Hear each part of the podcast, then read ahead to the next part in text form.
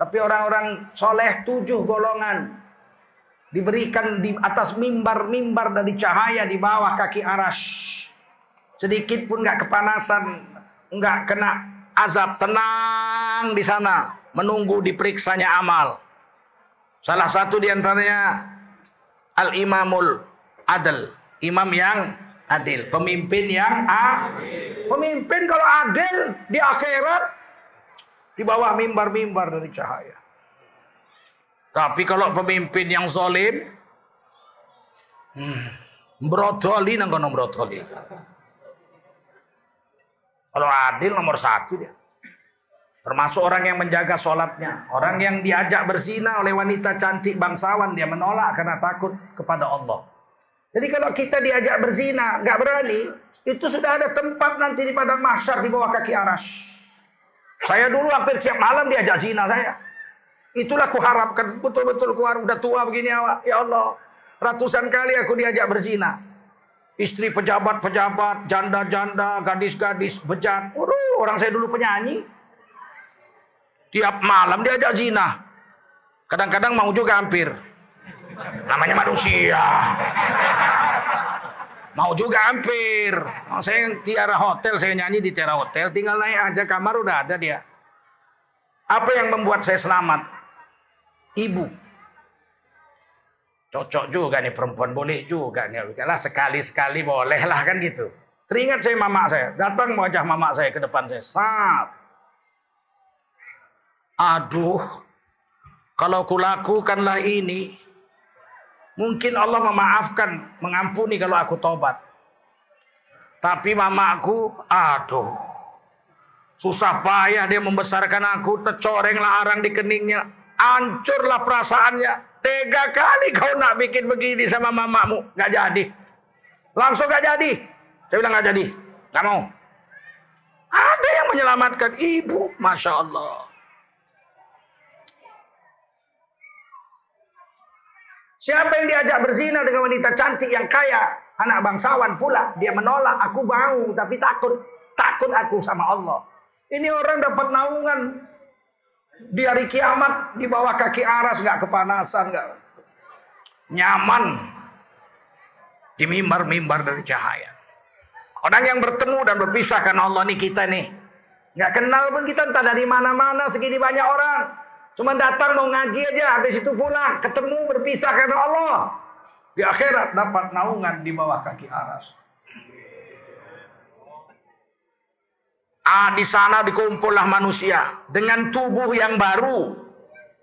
Karena tubuh yang lama udah masuk kubur udah jadi tanah. Nah, tubuhnya itu tergantung amal solehnya di dunia. Kalau dia rajin sholat, rajin wudhu, Badannya itu bercahaya. Nuruhum yas'a baina aidihim wa bi aimanihim. Wajahnya, tangannya, kakinya, kepalanya, kupingnya, atas bawah kanan kiri bercahaya. Ada yang lebih terang dari matahari, masya Allah. Sehingga malaikat-malaikat di padang mahsyar takjub. Mereka lihat, waduh, awak ya. Sampai sinten? Kula niki umat Kanjeng Rasulullah Muhammad sallallahu alaihi wasallam. Oh, nggih, nggih, nggih. Murid nggih. Kula rajin wudu, rajin sujud mawon. Bekas sujud, bekas wudu itu bercahaya di hari kiamat. Kata malaikat ajeng teng pundi? Oh, ajeng teng surga mawon. Oh nggih, monggo, monggo, monggo. Pintu surga ada delapan. Pintu pertama disebut babus sholat. Khusus untuk orang-orang yang menjaga sholat, menjaga wudhu, dan menjaga sujudnya. Masuk sana kamu. Maka orang-orang bercahaya, berduyun-duyun masuk surga tanpa diperiksa-periksa. Lihat cahayanya udah tahu nih orang soleh. Masuk lewat pintu sholat. Karena dia dulu menjaga sholat dan menjaga wudhu. Maka berduyun-duyunlah kawan-kawannya mengejar. Oh itu pamanku itu, itu bibiku itu, adikku itu, itu abangku itu, oh itu supirku itu, oh itu kan Loh itu kan hansipnya saya itu. Itu kan dikejarlah semua mau ikut. Di stop sama malaikat. Wamtazul yauma ayyuhal mujrimun. Orang berdosa minggir. Gak boleh ikut masuk surga. Gak bercahaya kau. Pinggir. Mereka tanya lu, aku kau oleh mlebu nang kono. Lah raimu meleketek, Mas. itu nggak bisa diterjemahkan bahasa Indonesia itu meleketek. Ampun lah. Di sana kelihatan. Badannya kelihatan.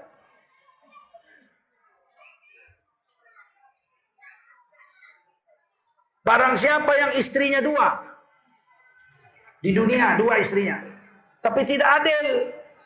Asyik di bini muda aja. Udah stroke baru ke bini tua. Aku mulai karo kue Karena bini muda nggak mau. Sontolo yo laki jahanam nih. Orang yang bininya dua di dunia. Tapi tidak adil. Di akhirat kakinya panjang sebelah, pendek sebelah. Kalau jalan pengkor-pengkor orang langsung tahu ki bojone adil. Ini istrinya dua nggak adil. Di sana nggak bisa bohong. Badan kita menunjukkan kita jahat atau baik itu kelihatan di sana. Paham? Paham? Kalau suka makan yang haram, perutnya buncit sampai jalan sama perutnya. Kalau terlalu banyak semua dosa direkaut, jinah, mabuk, riba, Oh, mencuri, memfitnah, begunjing, macam semua dosa dibuatnya. Di akhirat nggak sanggup ngangkat mukanya. Ada yang muka babi, ada yang muka anjing. Tertunduk wajahnya. Di situ ada Allah, ada Nabi. Ada guru-gurunya, ada bapaknya, mamaknya, ibunya, neneknya, kakeknya, istrinya, mantunya. Mertuanya ada situ semua.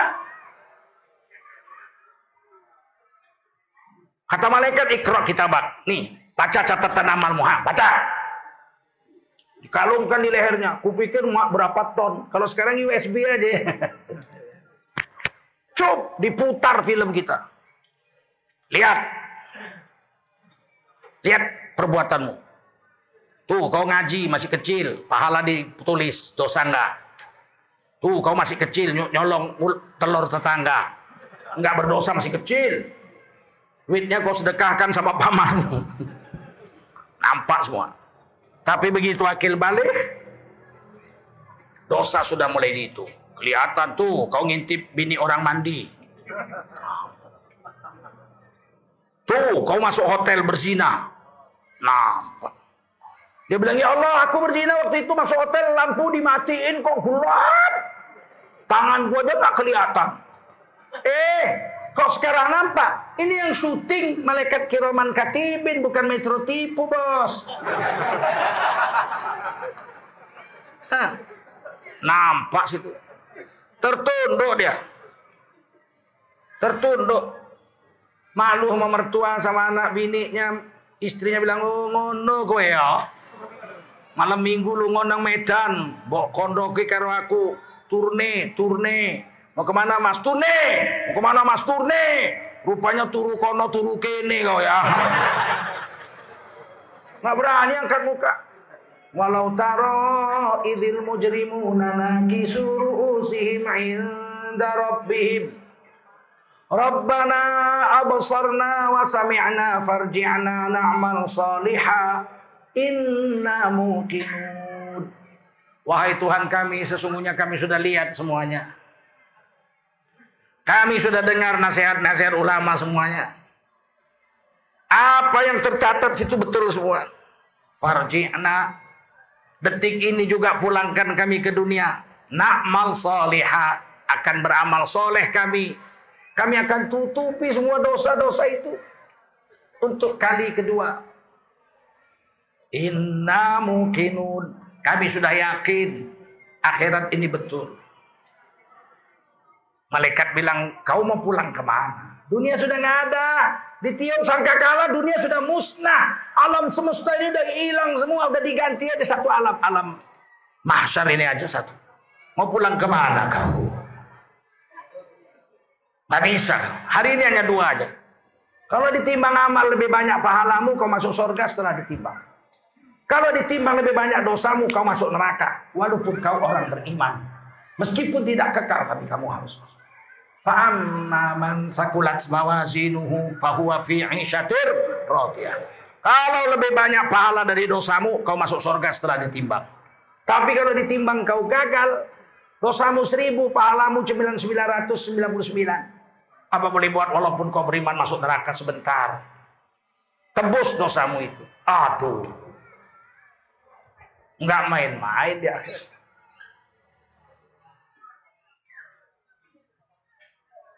Di dalam ayat lain di dalam surah Al-A'raf.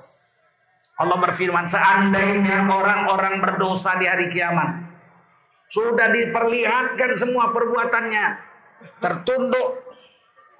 Menundukkan wajahnya setunduk-tunduknya. Gak berani angkat muka malu sama semua keluarga. Malu sama Nabi dan sebagainya. Dia bilang pulangkan kami biar kami beramal soleh. Biar kami tutupi kejahatan kami. Andai kata dia dipulangkan ke dunia. Andai kata dia tetap akan jahat lagi. Sulit memahamkan itu. Saya percaya ayat Quran percaya 100%. Tapi memahamkannya itu sulit. Masa iya orang sudah sampai mahsyar, udah lihat semua dosa-dosanya, udah tersiksa dengan direbus keringatnya sendiri. Dia minta pulang, kalau pulang jahat lagi. Kan susah memahamkan itu. Ada percaya percaya ada Quran. Ayat Quran mana bisa kita ngelawannya. Tapi memahamkannya susah. Satu hari Allah beri paham. Itulah kalau kita sabar. Satu hari tetangga saya menjerit-jerit. Aduh, aduh mak, aduh, aduh, tolong, tolong, tolong. Dari habis kisah sampai jam 12 malam. Tentu saya terganggu. Saya keluar, saya tanya. Ini hujan-hujan nih. Kenapa? Sakit, dada saya sakit banget, sakit. Kayak diiris-iris, kayak ayam disembelih, dada saya sakit. Bawa ke rumah sakit. Disuntik sama dokter. Satu ampul morfin. Tetap aja udah mulai mabok, nggak sadar tetap aduh sakit. Aduh sakit. Disuntik lagi satu ampul morfin. Barulah dia tertidur. Dalam tidurnya masih ada. Ada. Saya tanya sama dokter, ini sakit apa sih dokter kok sakit bener? Ini namanya penyempitan pembuluh nadi.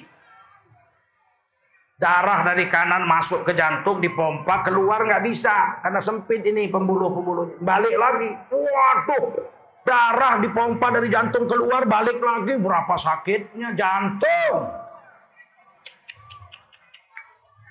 Aduh, luar biasa sakitnya. Dirawatlah di situ. Tuh hari, dua hari, saya datang juga lihat. Hari ketujuh udah mulai sadar lah. Udah sadar, udah bisa makan bubur, lemes nggak ada tenaga. Dia tanya sama dokternya, Pak dokter, saya sakit apa? Sakit jantung, penyempitan pembuluh nadi. Dua minggu kemudian boleh pulang. Ditanyanya, apa sebabnya saya sakit jantung? Bapak merokok. Jadi zat-zat rokok itu nikotin, nikotin itu lengket di pembuluh-pembuluh nadi itu sumbat urat-uratnya jadi pompa jantung itu keluar darahnya balik lagi karena sumbat. Gara-gara apa? Gara-gara rokok. Apa dia bilang? Demi Allah, dokter. Saya ceraikan rokok talak tiga. Cerai rokok talak tiga. Pulang ke rumah. Dua minggu.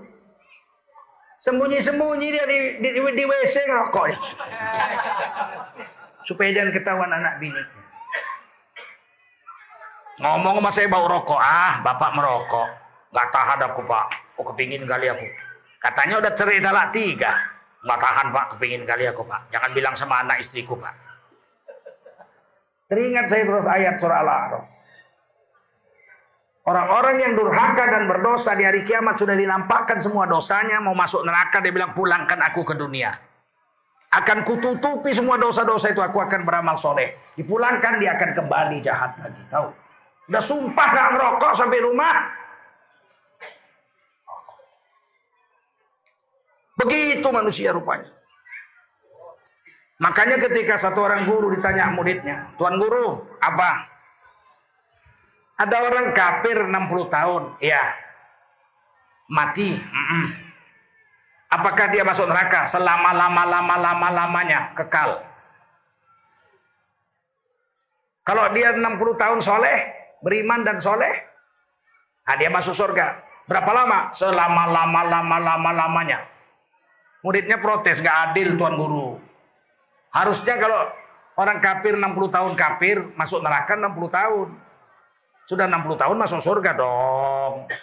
Masa 60 tahun kafir selama-lamanya di neraka. 60 tahun soleh selama-lamanya di surga. Nggak adil dong. Murid sekarang pun Sontoloyo juga. Quran diprotes sama dia coba. Kata gurunya, dikasih ilham sama Allah. Saya tanya sama kau muridku, seandainya orang beriman itu beramal soleh 60 tahun, ya, tapi dipanjangkan Allah umurnya 6 juta tahun. Apakah selama 6 juta tahun dia hidup dia akan tetap soleh sampai mati? Kata muridnya iya, umat Nabi Nuh itu 900 tahun soleh sampai mati. Nggak berubah-berubah tuh. Kalau dipanjangkan 2 juta tahun, 6 juta tahun, 10 juta tahun pun orang soleh sampai mati tetap so. Dari muda umur 7 tahun sholat sampai umur 70 tahun sholat terus kok. Wajarlah dia taat 60 tahun mati masuk surga selama-lama-lamanya. Seandainya dihidupkan 1000 tahun, 2000 tahun, sejuta tahun dia tetap soleh sampai mati. Sebaliknya orang kafir 60 tahun mati masuk neraka. Andai kata dia dihidupkan umurnya 900 tahun, dia beriman apa tetap kafir? Kafir. Ya umat Nabi Nuh 950 tahun kafir terus kok. Nggak tobat-tobat sampai mati, udah mau kelelep aja masih ngelawan. Udah datang banjir. Nabi Nuh dengan 84 orang bersama Nabi Nuh.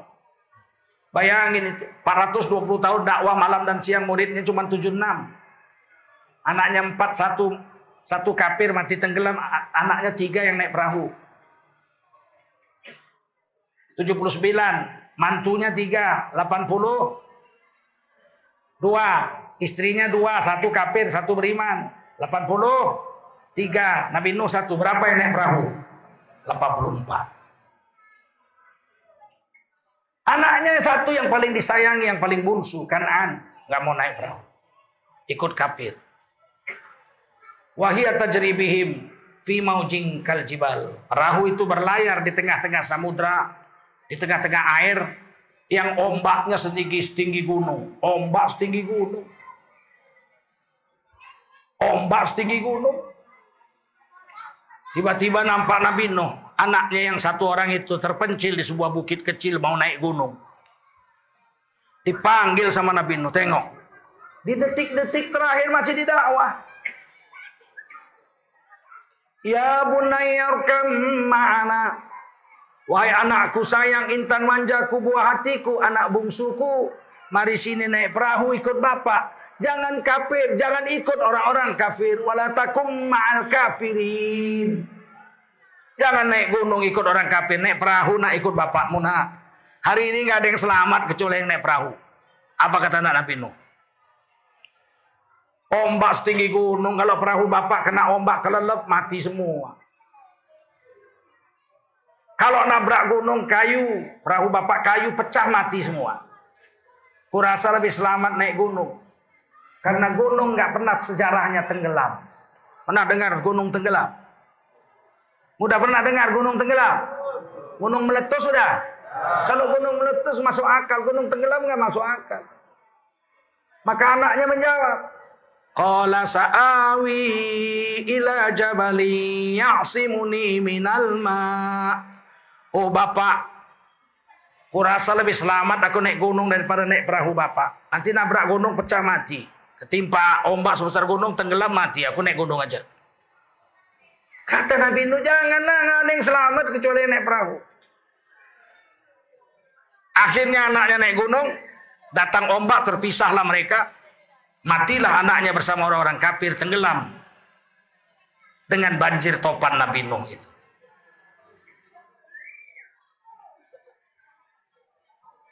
Sembilan ratus tahun umur Nabi Nuh dakwah siang malam, anak bungsunya sampai detik terakhir nggak mau. Wajar kalau masuk neraka selama lama-lama lama-lama. Wajar nggak? Pantas nggak? Sikit yang jawab, pantas nggak? Anak Nabi aja kafir masuk neraka, apalagi kita. kita anak tukang cendol, anak tukang kerupuk, sok-sok melawan Allah, sok-sok melawan hukum Allah. Siapa yang belain kita? Anak Nabi aja habis masuk. Selesai banjir tapi ini masih doa. Ada perjanjian dari Allah. Kalau banjir tak topan datang, Orang yang naik perahu umat Nabi Nuh, keluarga-keluarganya selamat. Ternyata keluarga Nabi Nuh satu orang mati dari empat orang yang paling kecil mati.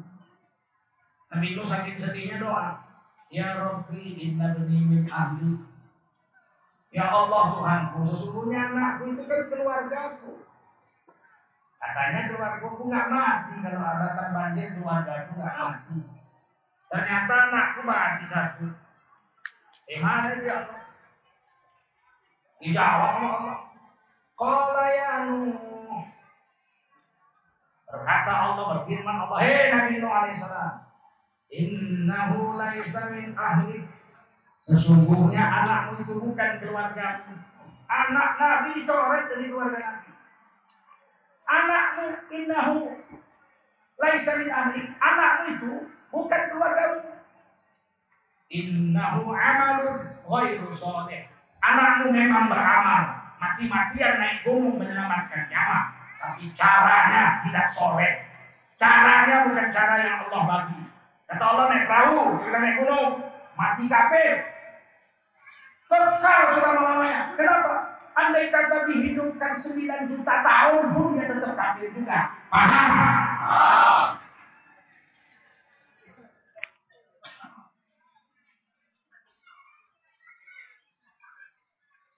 Oleh karena itu kita disuruh menghapus dosa. Dengan istighfar. Dengan apa? Istighfar. Kalau orang berdosa, istighfarnya itu menghapus dosa. Kalau dosa nih, kalau lihat anak perempuan orang,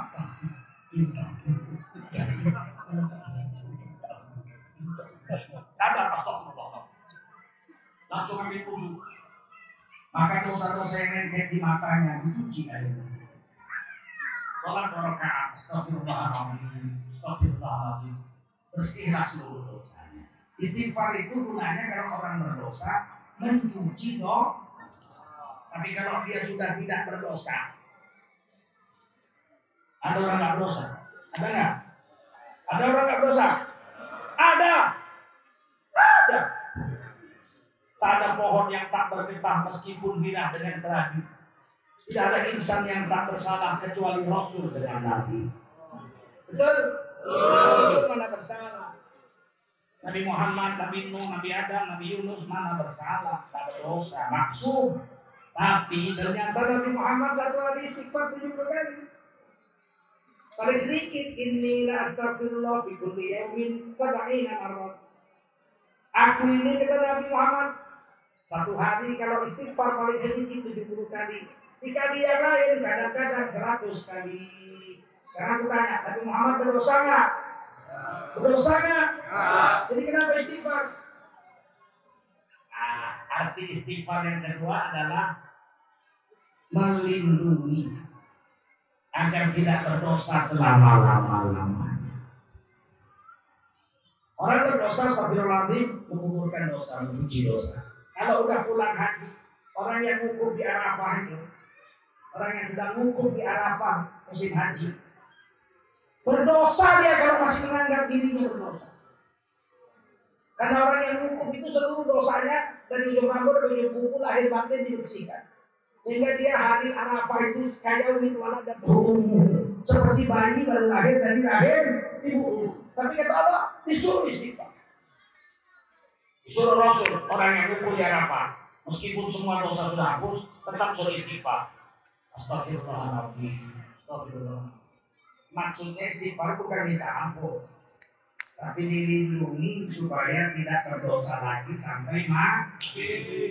Paham? Paham. Ketika kita berdosa, kita istighfar, dosa itu hapus.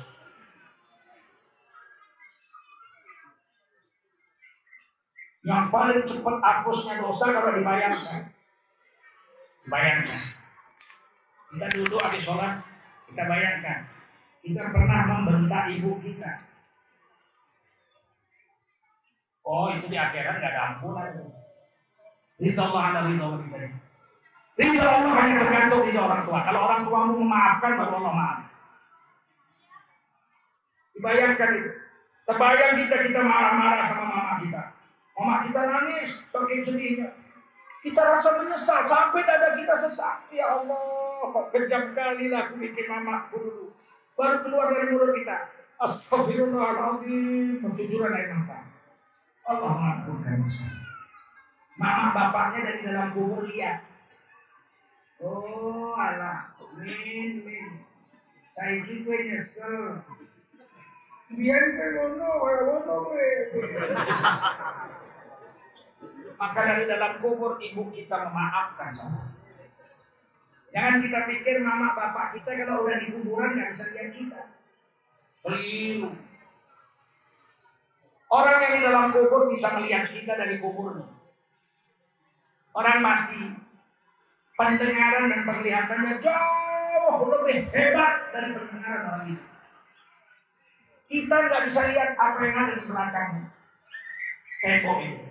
Apa yang ada di tembok? Tapi kalau orang yang sudah mati dari kuburnya dia bisa lihat seluruh dunia ini bisa dia lihat.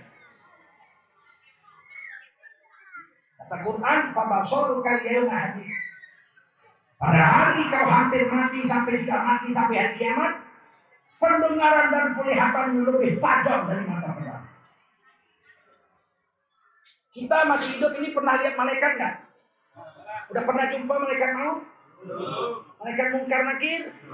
Mama kita, bapak kita udah wafat jumpa nggak? Udah jumpa nggak malaikat maut? Udah. Udah lihat nggak malaikat mungkar nakir? Males kali jawabnya. Udah lihat lo? Udah orang ditanya, man buka. Tanya setiap orang yang mati. Siapa aja yang mati? Ditanya sama mungkar nakir. Anak Nabi pun ditanya. Cuma Nabi aja nggak berani mungkar nakir. Gua bertanya. Man Nabi Uka? Siapa Nabimu? Akulah. Selain Nabi, selain Rasul ditanya semua. Tanya.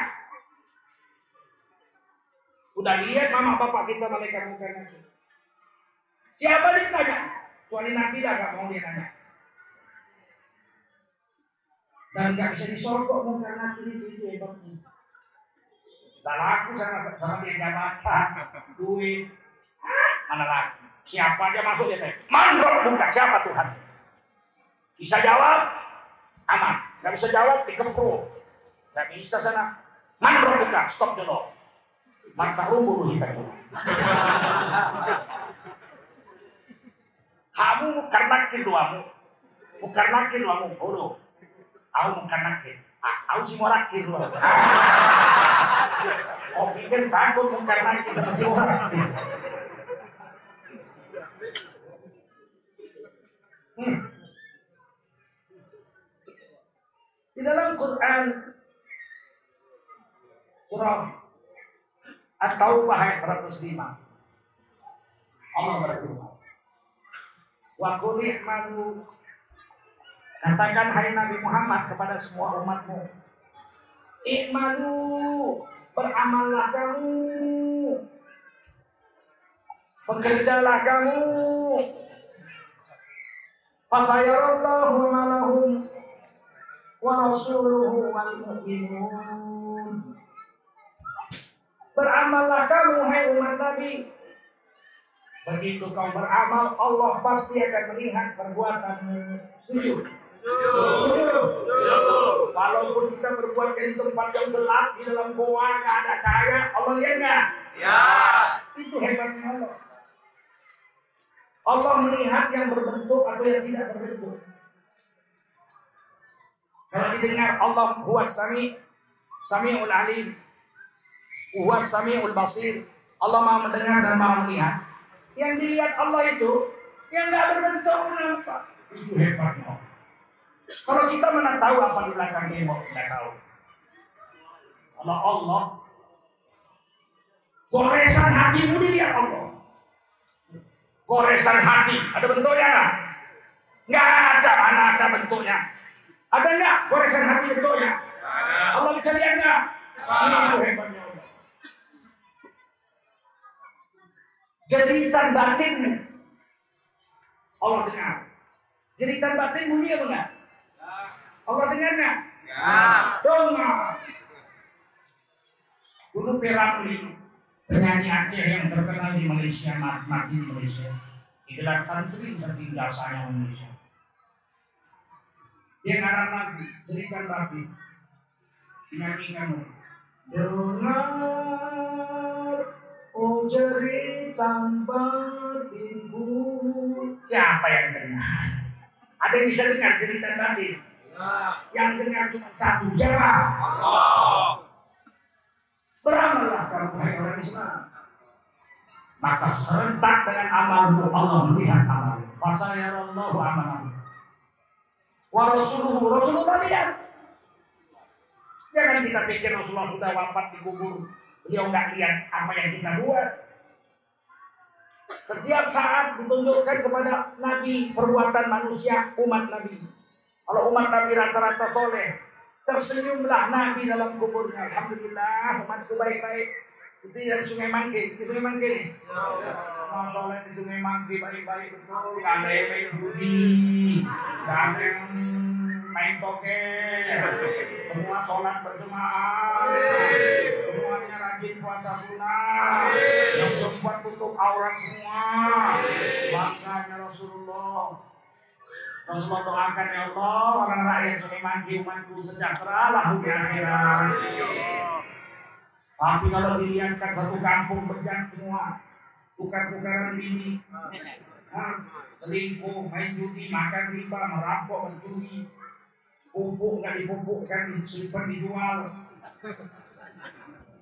Kata Nabi memang luar biasa umatku di kampung ya Allah. Sedihnya lah Nabi lihatnya.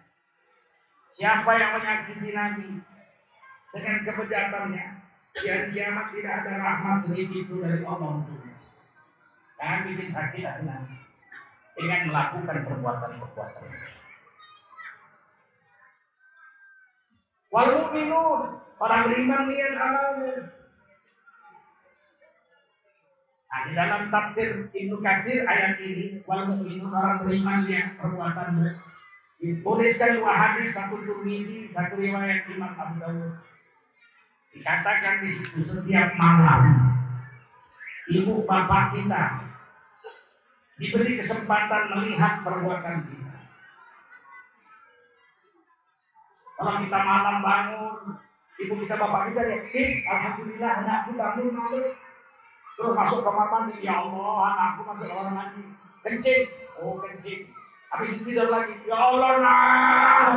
Berbodoh tawi. Aduh. Alangkah baiknya kalau kami kecil kau wudhu, sholat dua rakaat dan nak doakan mama bapakmu menunggu kami nak bertahun-tahun. Amal soleh dan doamu nak. Sedih kali orang tua. Tapi kalau ditengoknya anaknya sini mandi bangun malam-malam, buang air kecil, berwudu, kemudian sholat dua rakaat, Allah Akbar, disebut Allah nama bapak kita. Wah, berjuang, ikutin anak lagi wah dia Dipujinya aku. Oh, berhenti bapak mama kita lihat. Oh, Allah, Bejo kue biyen tak anggap remeh kue malah sekolah pendek pesek bengek rupanya kau yang bagus nah abang-abangmu yang sekolah tinggi gak ada yang mama. Seperti dilihatnya anaknya di Amerika lagi joget-joget ke kanan, ke kanan, ke kanan, ke kanan, ke kiri, ke kiri, ke kiri dan ke kiri. Mobilnya orang, sakitnya tuh di sini, sakitnya tuh di sini. Makan sayur tuh campur daging anjing. Mama bapak bisa bilang ya Allah di sekolah kan mahal-mahal ini ke cuma ke kanan ke kanan. alah alah sedih. Setiap malam saya teringat saya hati ini. Yakinnya saya. Bapak mama aku pasti lagi. Kadang-kadang tidur aja jam satu malam. Paling tidak sholatlah dua rakaat. Doakan Bapak Ibu kita yang sedang menunggu di alam kubur. Dia bisa lihat.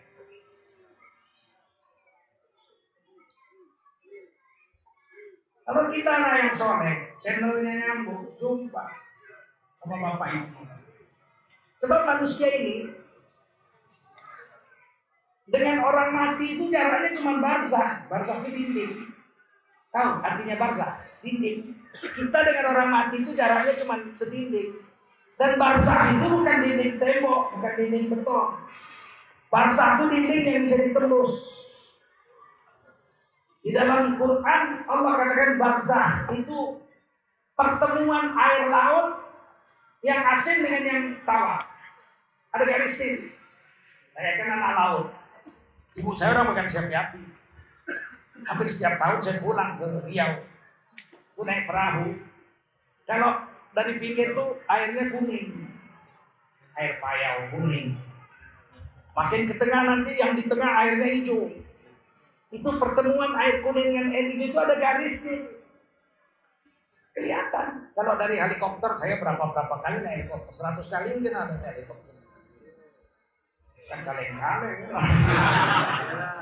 Saya lihat itu perbatasan air itu basah. Memang garis air sini dengan air sini berbeda. Tapi ikan yang di sana bisa lolos ke sini. Betul nggak? Ikan yang sana bisa kemari, namanya ikan sembilan. Yang ikan sini juga bisa ke sana. Walaupun ada garis, garis itu cuma garis bangsa aja. Bisa dilewat-lewat. Paham? Percaya nggak? Ya. Ada ikan yang sana bisa kemarin sini bisa sana kan? Ada. Nah kita dengan orang mati itu bangsa. Memang dia di sana, kita di sini, tapi bisa ketemu. Yang sana bisa kemari, yang sini bisa ke sana dengan izin Allah. Buktinya mana Pak Ustaz? Oh buktinya hadis muslim saya ceritakan. Waktu Nabi Muhammad Isra dan Mi'raj. Nabi Muhammad masih hidup, betul? Isra Mi'raj Nabi Muhammad hidup nggak? Nabi yang lain sudah wafat. Ketemu Nabi Muhammad, ketemu Nabi Adam, ngomong-ngomong, ketemu Nabi Ibrahim, ngomong-ngomong, ketemu Nabi Musa, ngomong-ngomong. Betul? Bisa ketemu orang sama orang mati.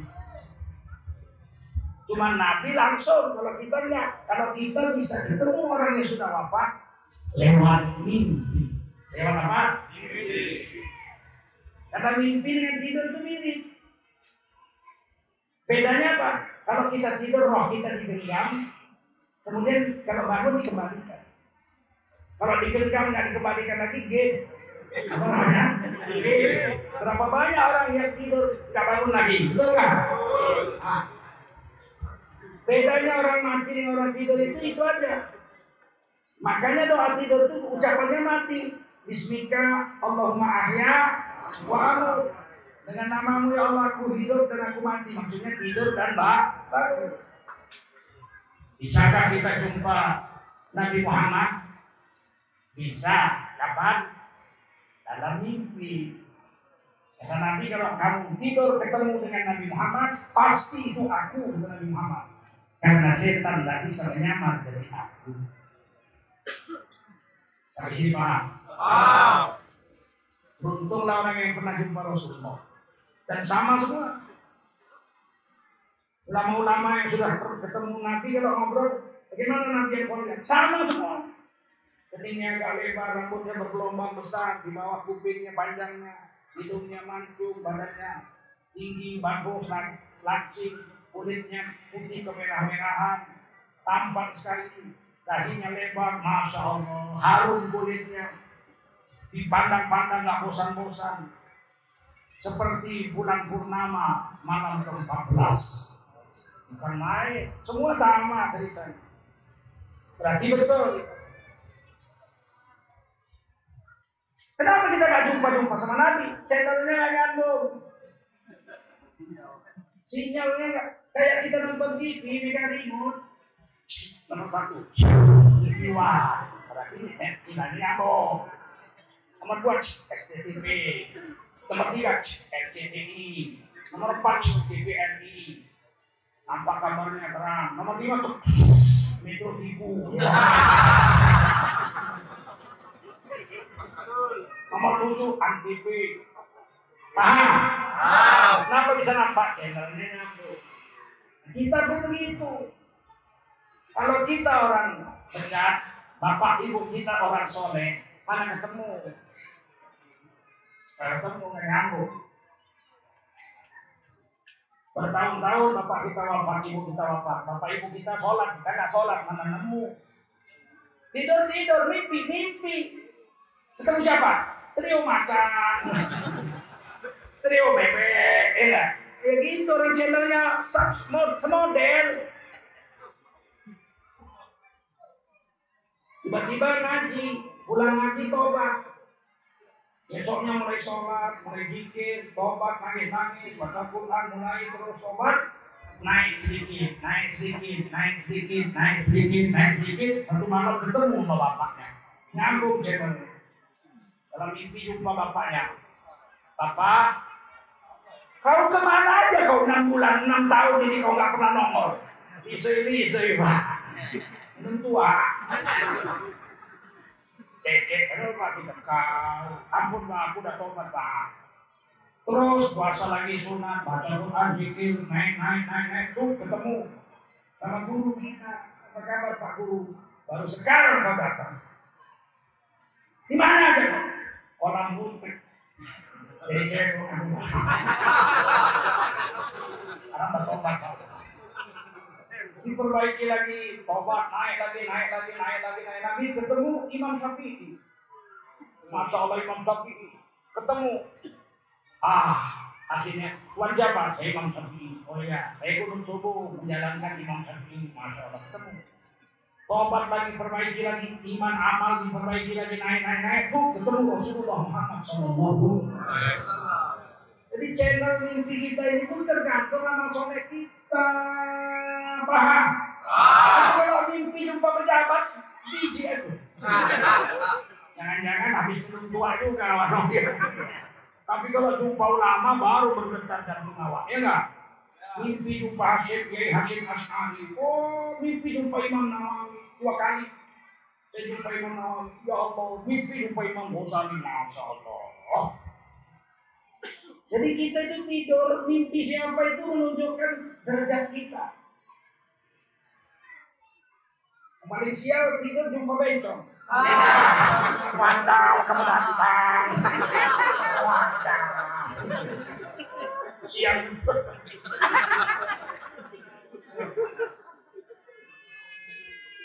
Jadi mimpi kita itu itu menunjukkan channel kita sama siapa bisa ketemu. Paham?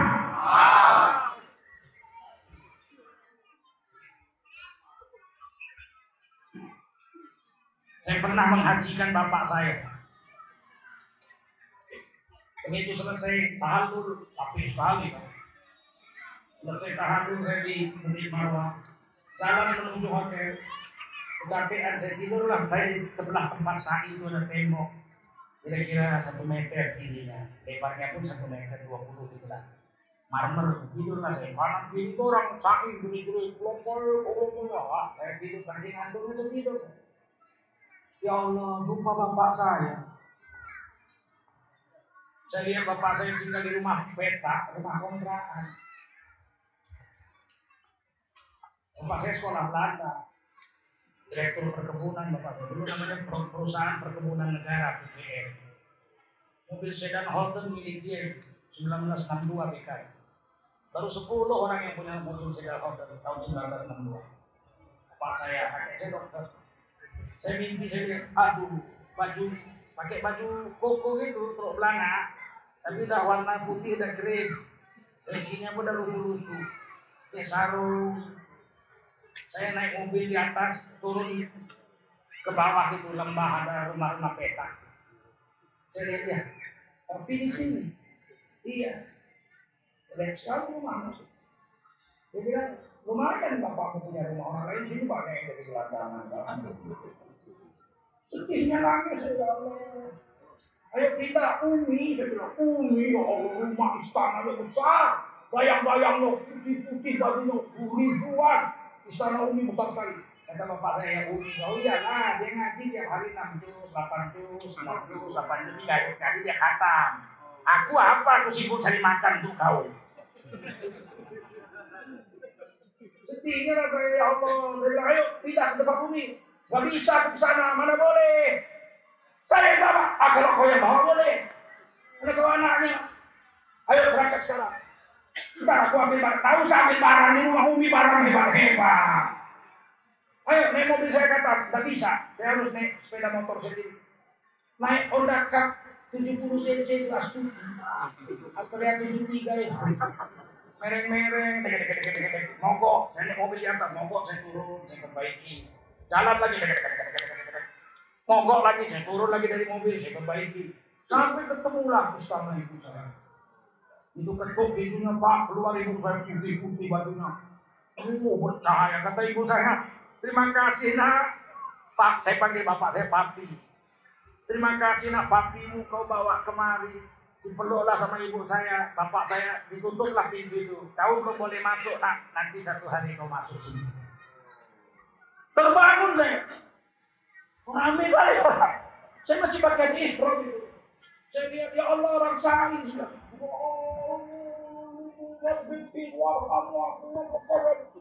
Ya Allah, saya menghajikan bapak saya. Pindah dia ke istana ibu saya. Jadi memang channel.